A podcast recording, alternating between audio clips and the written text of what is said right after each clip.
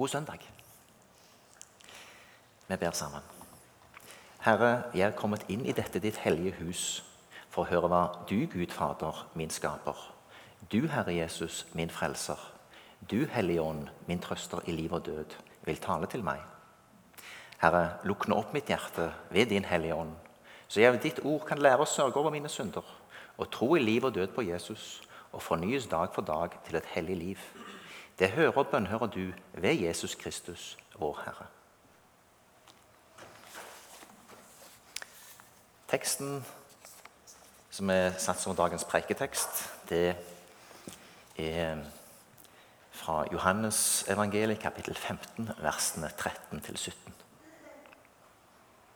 Ingen har større kjærlighet enn den som gir sitt liv for sine venner. Dere er mine venner hvis dere gjør det jeg befaler dere. Jeg kaller dere ikke lenger tjenere, for tjeneren vet ikke hva hans herre gjør. Jeg kaller dere venner, for jeg har sagt dere alt jeg har hørt av min far. Dere har ikke utvalgt meg, men jeg har utvalgt dere og satt dere til å gå ut og bære frukt, frukt som varer. Da skal Faderen gi dere alt dere ber om i mitt navn. Dette er mitt bud. Elsk hverandre.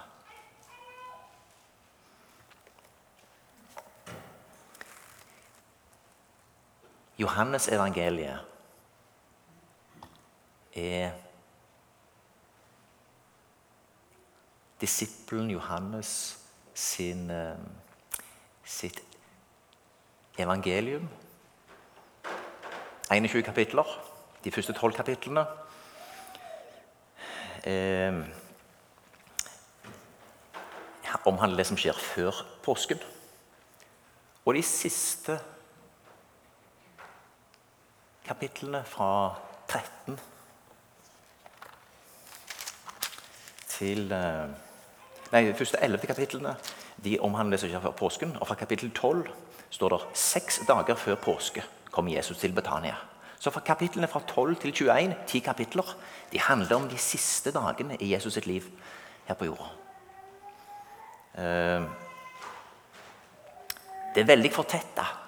Og hvis jeg skulle eh, forberedt meg for å være veldig lenge uten tilgang til Bibel. Og hvis det var mulig å lære seg så mye som totalt ti kapitler fra Bibelen utenat, så tror jeg at jeg ville lært utenat kapitlene i Johannes evangeliet fra 13 til 17. Som da er den samtalen som Jesus har med sine disipler på skjærtorsdag. Før Getsemane. Og så ville jeg lært meg utenat første Johannes brev. Begge disse eller Alle disse ti kapitlene er jo skrevet av disippelen Johannes. Den disippel som Jesus hadde kjær. Det er noe med relasjonsperspektivet til Johannes som er fantastisk. Det er, det er noe med hans eh, evne til å formidle hvem Jesus er. Og det er noe med eh, ordene som brukes, som i hvert fall treffer meg veldig godt, og som, og som gjør det til eh, noe veldig nært. For bare å ta sammenhengen først. Jesus har nå eh, samla sine disipler på skjærtorsdag. Disiplene sine føtter er blitt vaska. Det er et eksempel fra Jesus' side som er satt. Også dere må vaske hverandres føtter. Fotvasken er et eksempel om å vise kjærlighet og barmhjertighet. Sette de andre høyere enn seg sjøl. Gi seg sjøl til fellesskapet.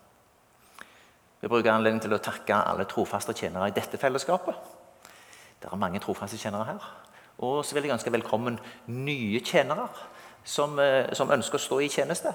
Ehm, det er godt å få være en del av et fellesskap der vi også får tjene hverandre. Som Jesus modellerer med at han vasker føttene til sine disipler. Denne fotvasken er også et frampeik mot det som følger de neste dagene, der Jesu død og oppstandelse er den ultimate rennelse. Um, Peter syntes det var for drøyt at Jesus skulle vaske føttene hans. Aldri skal du vaske mine føtter. Da er Jesus veldig tydelig. Hvis ikke jeg vasker deg, har vi ikke lenger noe sammen. Vise et alvor i det å ikke la seg bli vaska av Jesus. For vil vi ikke bli rensa av Jesus, så har vi ikke noe med han å gjøre. peker framover mot eh, den renselse som hans korsdød var for oss alle. Så må vi, før vi går dypere inn i den teksten, sitere en del vers som kommer før den teksten vi har. Kapitlene 13, 14, 15, 16 og 17 igjen, jeg anbefaler dere bare lev litt i de, bad litt i de. Der kan dere stadig gå tilbake. Der er det veldig eh, mye godt. Og det er en konstant samtale med Jesus, eller en bønn fra Jesus til sin far på slutten. Jeg tar med noen vers. Som jeg har elsket dere, skal dere elske hverandre. La ikke hjertet bli grepet av angst. Tro på Gud og tro på meg. Jeg er veien, sannheten og livet. Ingen kommer til Faderen uten ved meg. Dersom dere elsker meg, holder dere mine bud. Den som har mine bud og holder dem, han er det som elsker meg. Og den som elsker meg, skal elskes av min far. Den som elsker meg, vil holde fast på mitt ord. Og min far skal elske ham, og vi skal komme til ham og ta bolig hos ham. Men talsmannen Den hellige ånd, som Faderen skal sende i mitt navn, han skal lære dere alt og minne dere om alt det jeg har sagt dere. Fred etterlater jeg dere, min fred gir jeg dere. Ikke den fred som verden gir. La ikke hjertet bli grepet av angst og motløshet. Jeg er vintreet, dere er grenene. Den som blir i meg og jeg i ham, han bærer mye frukt. Men uten meg kan dere intet gjøre. Og så fortettes det litt videre i den teksten som vi har. Han har bygd opp noe rundt å bli i Hans ord, i Hans bud. Og at de greiner der han er vintreet. Og de skal bli i han. Og da skal de bære frukt. Og så forflytter han det enda litt videre hit vi har kommet i denne samtalen. I kapittel 15 fra vers 13. Ingen har større kjærlighet enn den som gir sitt liv for sine venner. Igjen, vi forstår enda bedre enn disiplene hva han mente med det. Han skulle gi sitt liv for sine venner. Dere er mine venner hvis dere gjør det jeg befaler dere.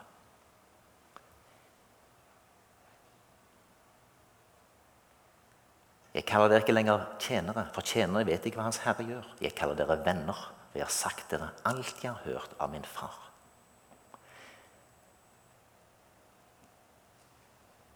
En tjener gjør det han får befaling om. Han får ordre og instrukser, eller har kanskje en klar instruks, trenger ikke si noen gang, for han vet hva han skal gjøre. Han lever til sin instruks. En venn Det er sjelden venner over tid bare gir hverandre kommandoer. Det må være når vi er litt travle og du har en kompis med å bygge på et eller annet prosjekt. Da kan, da kan det være greit. Ellers vil et vennskap og hvordan vennskap utarter seg, være at en deler litt bakgrunnen for det en nå skal si. En, en, en deler mer. En får en fylde, en får en helhet. Du ser lenger bak. Det begynner kanskje med ja, noe vanskelig eller en historie, og så bringes vi inn. Vi får dyp forståelse for eh, hva det som her blir sagt. Vi kan gi hverandre råd. Det er en samtale. Vennskapet representerer en mye mye dypere samtale enn den instruksen som en tjener har. Det er intuitivt for oss. Så er det interessant dette med at dere er mine venner hvis dere gjør det jeg befaler dere. Det syns jeg er veldig fint eh, å grunne litt på. For På ene side kan det høres ut som å ja, det er så betinga. Det er bare de som gjør, gjør budene, gjør hva du vil, som er venner. Hvor er nåden hen? Nei, dette er mye dypere enn det. Det er da altså at Jesus, som er selve ordet, i seg sjøl er et budskap.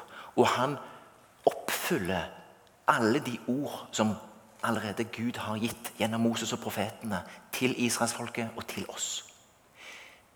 Gud vil oss noe. Han vil si oss noe. Ikke bare vil si oss noe, han vil ha en relasjon med oss. Det er en venn der det ligger han på hjertet å formidle noe til oss som en god venn. Så En som du vil høre på. For han har noe å si oss. Han er en venn som både er en som har kommet oss veldig nær, og kan ha en intim relasjon til. Og samtidig så er han Guds sønn. som var før alle ting. Som var der når Gud ved sitt ord bød ting å bli. Og Jesus var der som en kunstner, som en håndverker som var med og utførte det. Tenkte striper på sebraen. Som var med i skapelsen. Han er langt over vår fatteevne og forstand i storhet. Og samtidig er han vår venn. Men det er en venn som har noe å si oss. Og han vil gjerne understreke alt jeg har sagt, er viktig. Det jeg har møtt dere med i ordet før jeg kom, og det jeg møter dere med nå med de ordene jeg har formidla, de taler jeg har holdt, de samtaler jeg har hatt, det dere ser jeg gjør Dere har lært av meg, jeg har fortalt dere alt jeg har hørt av min far. Og videre skal dere få lov til å være sånne venner som har en nær relasjon til meg, og videre òg blir fortalt hva dere skal gjøre. Litt, litt åpent ennå, litt uklart ennå. Men talsmannen Den hellige ånd, som Faderen skal sende i mitt navn, han skal lære dere alt og minne dere om alt det jeg har sagt dere. Det skal ikke bli innvikla vanskelig. Han skal ikke la dem være igjen som foreldreløse barn. Han skal komme til dem. Og Både det er det ordet som er kjent og fortalt, og det er en dypere forståelse som kommer ved Den hellige ånd. Det er å bli invitert inn i en relasjon, i et fellesskap, der Gud har noe å si oss. Og der det å være en venn er å forbli en lyttende venn. En som ikke skrur ørene av. En god venn lytter. En god venn bryr seg om det vennen sier. En god venn bryr seg om det vennen har sagt, og som vennen påpeker fremdeles er viktig. En god venn vil gjerne følge opp det vennen har sagt. Han gir sitt liv for sine venner. Og Han inviterer oss til å være sånne venner som gjør ordet hans, som gjør det han sier. Han som er selve ordet. Um, Johannes har en dyp tillit til Jesus. Det oppleves ikke tungt for han å høre dette. Dere er mine venner hvis dere gjør det jeg befaler dere. Nei, i 1. Johannes har han skrevet Enhver som tror at Jesus er Kristus, er født av Gud. Og den som elsker Gud, elsker også det som er født av ham. Kjennetegnet på at vi elsker Guds barn, er om vi elsker Gud og holder Hans bud. Å elske Gud er å holde Hans bud, og Hans bud er ikke tunge. Halleluja. Gud vil ikke gjøre det tungt for oss. Han vil ved sin ånd åpenbare hva dette ordet, som nå akkurat virker litt krevende, betyr for meg. Han vil lede oss til hele sannheten. Han vil lære oss alt hvis vi blir i Hans ord og grunner på det. Legger det fram for Han i bønn. Så vil Han vise oss og veilede oss til hele sannheten.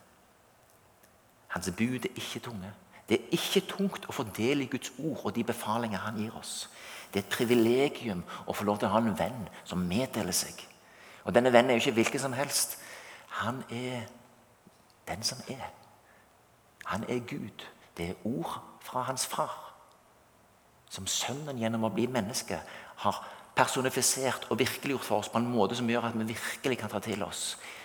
For Jesus, Johannes sier jo den, den disippelen som Jesus hadde kjær. Han har erfart Jesus' sin kjærlighet. Han har erfart hvem Gud er gjennom Jesus. Og han har sett at det er en uendelig kjærlighet. Han er full av nåde og sannhet. Han er den som gjør at du tåler å høre og tydelige, klare budskap. Som vi hadde for oss i teksten fra sist søndag, der en eh, kvinne er åpen om sin, sin tøffe fortid. Der Jesus anerkjenner at du snakker sant. Og du opplever at, det ikke var, at sannheten ikke ble vond og flau, men han ble frigjørende. Å komme inn i Jesus' nærhet og komme inn i hans vennskap og få lov til å se inn i Ordet. Få lov til å bli glad i Bibelen. Få lov til å ja, virkelig nysgjerrig og lengtende være på jakt etter det Gud vil oss. Gjennom ordet, gjennom bønnen, gjennom den løpende samtalen som vi har i fellesskapet, i nattverden, i alt det som vi erfarer i livet og i reisen, vandringen sammen med troende brødre og søstre. Så skal vi ha tillit til at hans bud er gode. og at det han befaler oss, er en god ting. Vi lever i en postmoderne tid der det er veldig mye hva jeg føler og hva jeg vil. Det er både paradoksalt og revolusjonerende å legge sitt liv i Herrens hånd. Og be Han veilede oss og la ordet Hans lyse opp vår sti. I en kultur der vi skal finne opp alt sjøl. Vi må hjelpe hverandre med å forstå hva det er å gjøre Guds befalinger i dag. Og gjøre det som Jesus sier. Vi har fått Hans ord. Vi har fått veldig mye. Å elske Gud er å holde Hans bud, og Hans bud er ikke tunge. Han har noe å si oss. Han har invitert oss inn i noe. Han vil oss noe. Det er deilig å ha en venn som vil deg noe. Han vil ha fellesskap med oss. Han vil si oss noe. Han har noe på hjertet.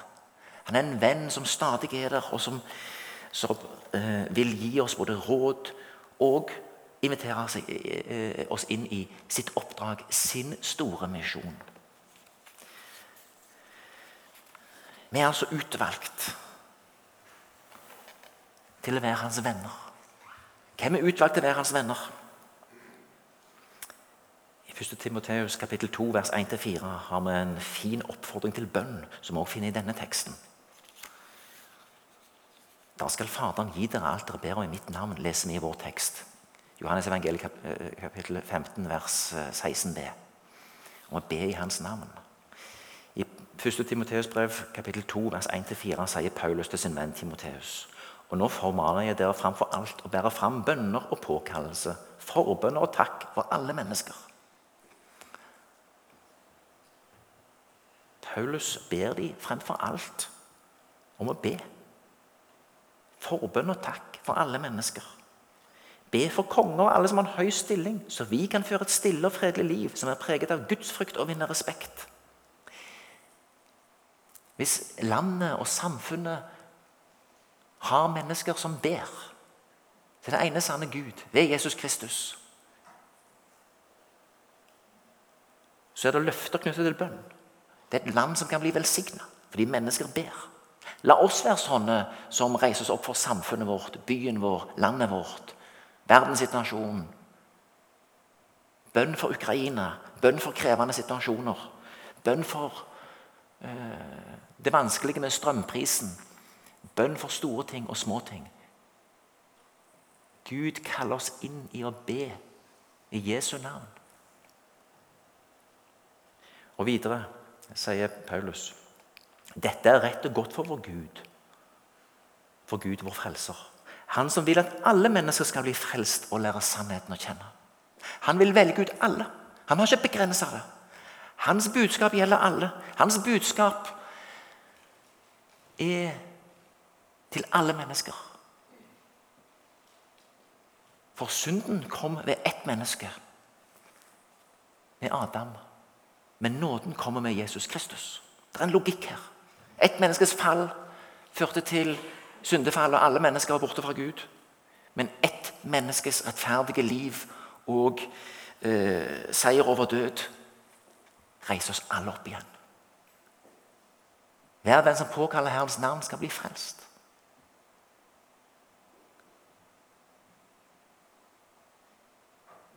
Det kan vi lese nede i uh, trappegangen her. Hvordan kan de påkalle en de ikke tror på? Hvordan kan de tro på en de ikke har hørt om? Hvordan kan de høre dersom ingen forkynner? Hvordan kan noe forkynne hvis de ikke er utsendt?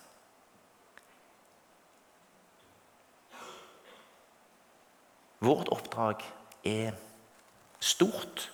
Vi er kalt til å være hans venner. Vi er kalt til å bringe ut hans bud, hans budskap, hans ord.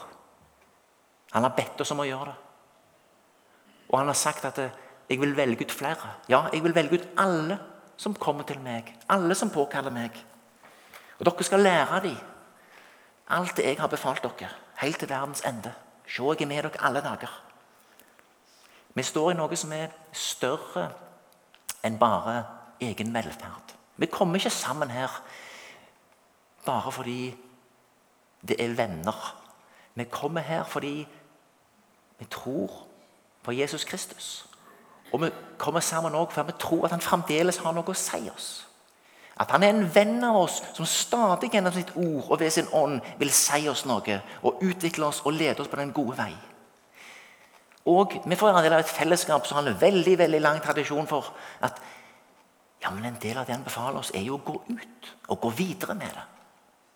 Det er jo mange som ikke har hørt dette. Det er jo mange som fremdeles kan bli utvalgt og få et vennskap med Jesus. Dette må vi gå videre med.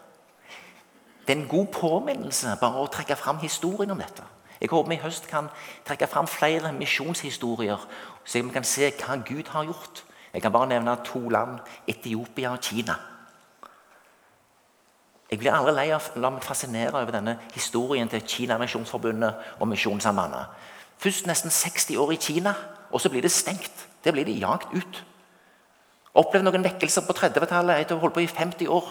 Mye fram og tilbake, og så blir det stengt. Og så åpnes det noen nye dører i andre land, bl.a. Etiopia, der de får være med på en rik innhøstning som andre hadde startet opp. Der de hadde, andre hadde sådd. Så de fikk ikke høste så mye sjøl i Kina, men de fikk høste i Etiopia, der andre hadde sådd. Det er utrolig hvordan Gud leder enkeltmennesker og en misjonsorganisasjon. Og jeg synes Det å dvele med noen av disse undrene som har sett fra Etiopia, og de undrene som vi fremdeles ser i Kina, det er, det er trosstyrkende. Så jeg håper vi senere i høst kan få flere eksempler fra det.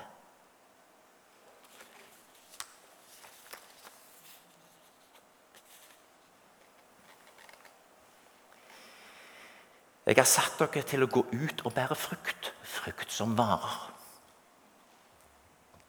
Ja, hvis vi er poda, eller hvis vi er på vintreet, hvis vi er greiner på treet, og Kristus er vintreet, ja, så er det et løfte i det å være i Kristus, å være i Hans nåde, å være i Hans ord, å være i Hans kjærlighet. Ja, da bærer vi frukt. Hva er frukt? I en sånn menneskelig forstand. Hva assosierer du med frukt? Jeg satt for noen dager siden og funderte litt høyt sammen med kona mi om disse tingene. Ja, Frukt er jo litt sånn forfriskende. Det er væskefullt. Det er ikke tørt. Det er gjerne litt søtt. Det er attraktivt. Det er noe godt. Intuitivt så, så syns vi frukt er noe positivt. Sikkert litt forskjellig. Noen liker sånn halvsure ting. Det gjør ikke jeg. Jeg liker mer de søte. Her er vi forskjellige. Uh, men men frykt er noe grunnleggende positivt. Det er noe som gir positive assosiasjoner.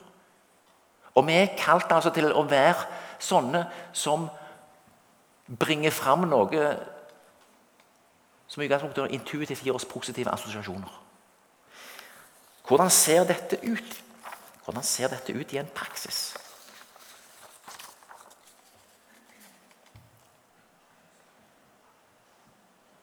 Andre Peter 1, versene 5-8.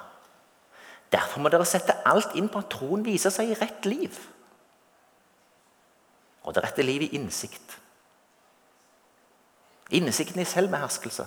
Selvbeherskelsen i utholdenhet. Utholdenheten i gudsfrykt. Gudsfrykten i brorskap. Brorskapet i kjærlighet. For dersom alt dette finnes hos dere og får vokse, da vil dere ikke være uvirksomme og uten frukt i deres kunnskap om vår Herre Jesus Kristus.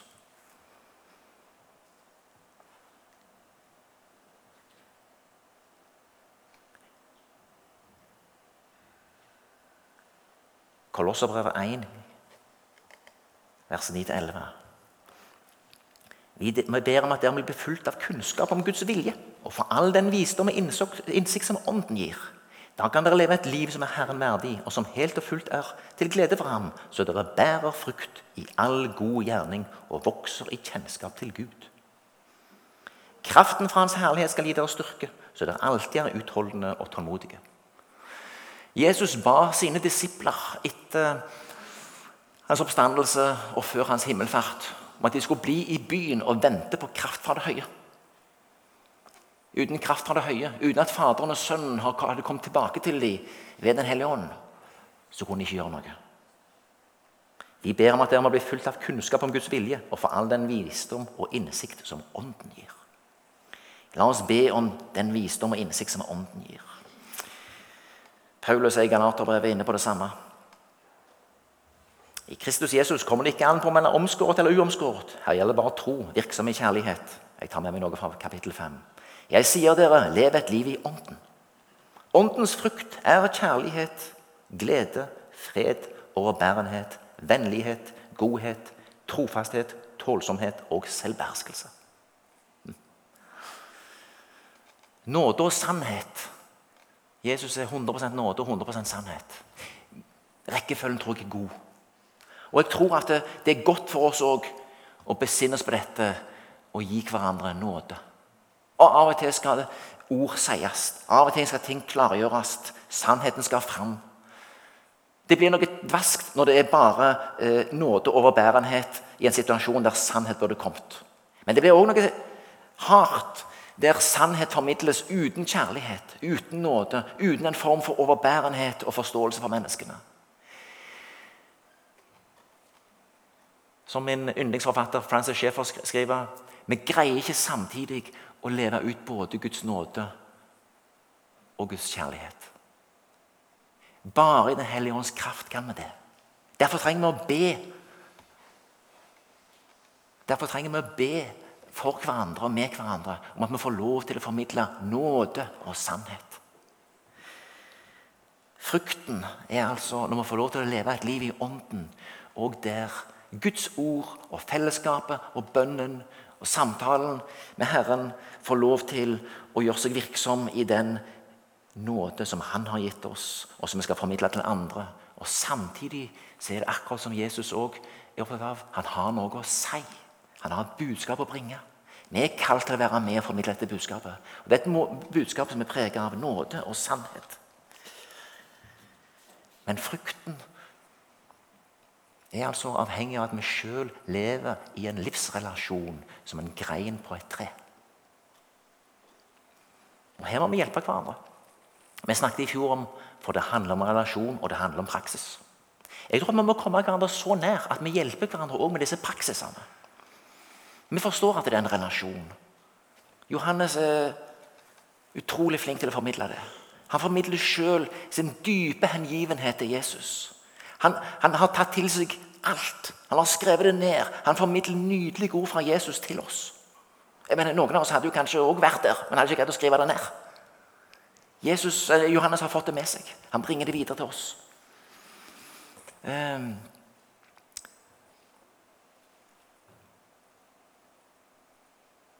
Men det er jo sånn da at uh, dette budskapet som uh, som eh, eh, Johannes har hørt, det, det må ut, og det må videre ut.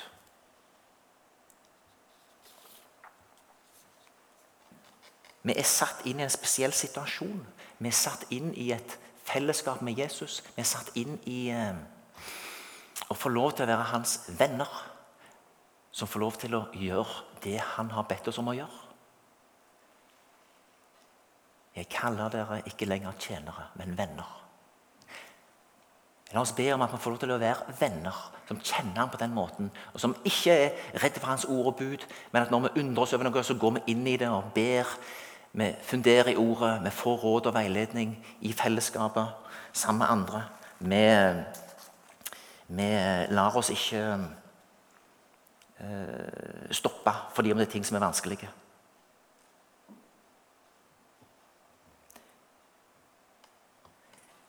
For det handler om relasjon, og det handler om praksis. Relasjon ser vi som Johannes har i fullt mål. Praksisene som inviteres inn i her, i teksten vår, er blant annet, eller det er bønn. Da skal Faderen gi dere alt dere ber om i mitt navn. Jeg tror at det å hjelpe hverandre med bønn og bønnepraksiser kanskje er et område som vi skal jobbe litt med. Jeg utfordrer den enkelte av dere til å fundere over hvilke praksiser har jeg hver dag knyttet til bønn. Jeg kjenner at jeg har vært inne i en prosess der jeg har lært mer de senere årene. For meg har det vært en god ting å lære meg noen salmer utenat, som jeg ber. Her er det forskjellige perspektiv. Når ber vi? Løve å si det veldig greit? Ja, du ber når det er krise. Da ber du mye. eh, det å med en gang begynne å be lange passasjer sånn helt av seg sjøl, det blir veldig tungt i hodet.